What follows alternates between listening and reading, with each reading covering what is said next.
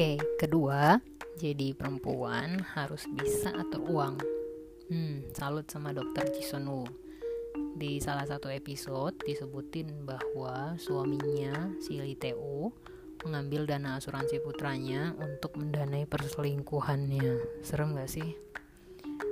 Gak cuman itu, dana perusahaannya pun cash flow-nya habis buat belanjain selingkuhannya. Hmm, mengerikan.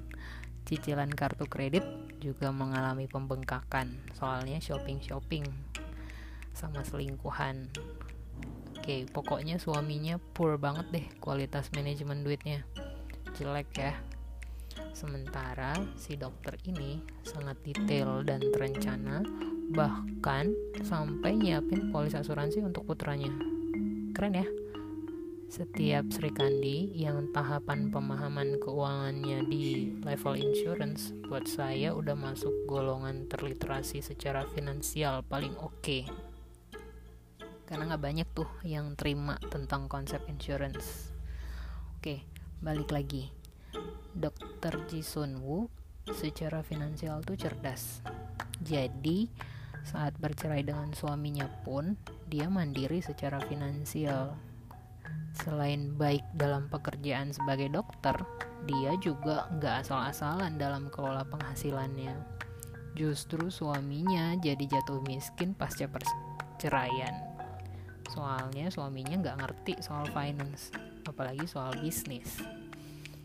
Jadi supaya keluarga kamu para serikandi semua jauh-jauh nasibnya dari nasib di drama Korea TWOM ini perlu banget belajar dua hal ini dari drakor yang populer yang katanya memecahkan rekor rating tertinggi sepanjang pertelevisian Korea.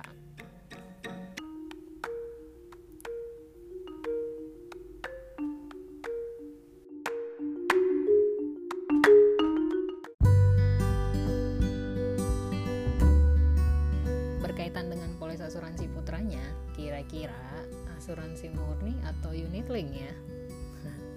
berkaitan juga nih dengan bahasan saya minggu lalu untuk bahas soal konsep asuransi murni versus unit link. Oke. Asuransi murni biasanya dalam kontrak polis tidak membayar premi dengan jangka waktu yang relatif singkat seperti halnya asuransi unit link. Premi dialokasikan hanya untuk biaya asuransi.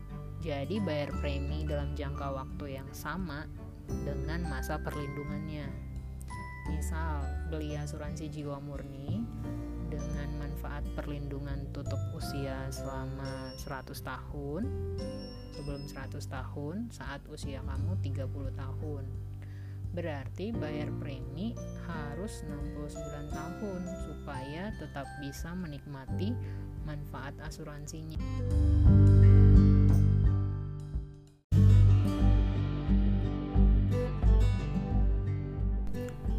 Sementara asuransi unit link preminya bisa dibayar dalam jangka waktu tertentu saja. Hal ini karena premi dialokasikan dengan persentase tertentu ke investasi. Seperti contoh tadi, kalau masuk asuransi di usia 30, membayar premi nggak perlu sampai usia 99 tahun atau sepanjang 69 tahun tapi bisa disesuaikan hanya sampai usia produktif misal usia 50 artinya cuma 20 tahun masa membayar. Jadi meskipun udah pensiun proteksinya tetap bisa berjalan. Lalu mana yang lebih baik? Saya bisa bilang unit link. Kenapa? Pertama membayarnya bisa dalam tempo yang lebih singkat tapi masa perlindungannya panjang. Soalnya preminya diinvestasikan kita para serikandi tinggal cari alternatif investasi yang sesuai dengan profil risiko para serikandi semua. Kalau kamu takut misalnya jumlah yang kamu bayarkan tidak setara atau tidak senilai dengan jumlah investasinya, kamu tinggal pilih instrumen investasi mana yang sesuai dengan profil kamu. Kalau kamu nggak mau uangnya raib dalam jumlah besar, ya pilih investasi di pendapatan tetap atau di pasar uang. Tapi ingat ya, untungnya juga relatif lebih kecil. Kalau mau untung relatif besar, pilih investasi di ekuitas atau pasar saham. Kalau rugi juga harus siap rugi besar ya. Tapi dalam jangka panjang, misal 5 atau 10 tahun ke depan, imbal hasilnya lebih tinggi dibandingkan pendapatan tetap.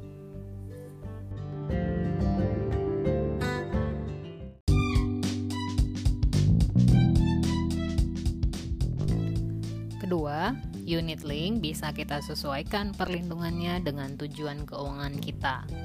Misalnya, kamu mau melindungi atau menjamin pendidikan anak selama masa produktif, maka lebih menguntungkan jika kamu membayar selama masa produktif dan nilai pertanggungannya bukan selama masa produktif saja, tetapi selama kamu hidup. Pada Serikandi semua meskipun premi lebih tinggi untuk nilai pertanggungan yang sama, tapi uang tidak hangus saat usia produktifnya lewat. Masih ada nilai investasi dan manfaat asuransinya. Kalau asuransi murni, misal usia masuk 30 tahun, mau ambil jaminan biaya pendidikan anak sebesar 2 miliar, masa pertanggungan sampai usia 56 tahun Berarti bayar preminya selama 26 tahun, katakanlah sebesar 2 juta rupiah per bulan. Kalau tetap hidup sampai usia 56 tahun, maka manfaat 2 miliar hangus. Nilai investasi juga nggak ada.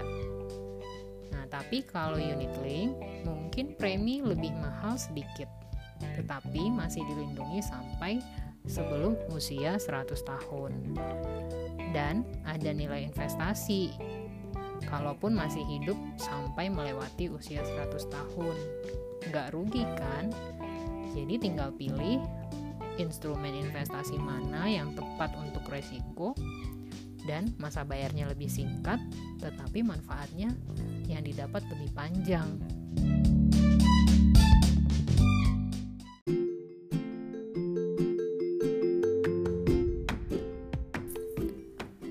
So, udah paham kan bedanya asuransi murni dan unit link?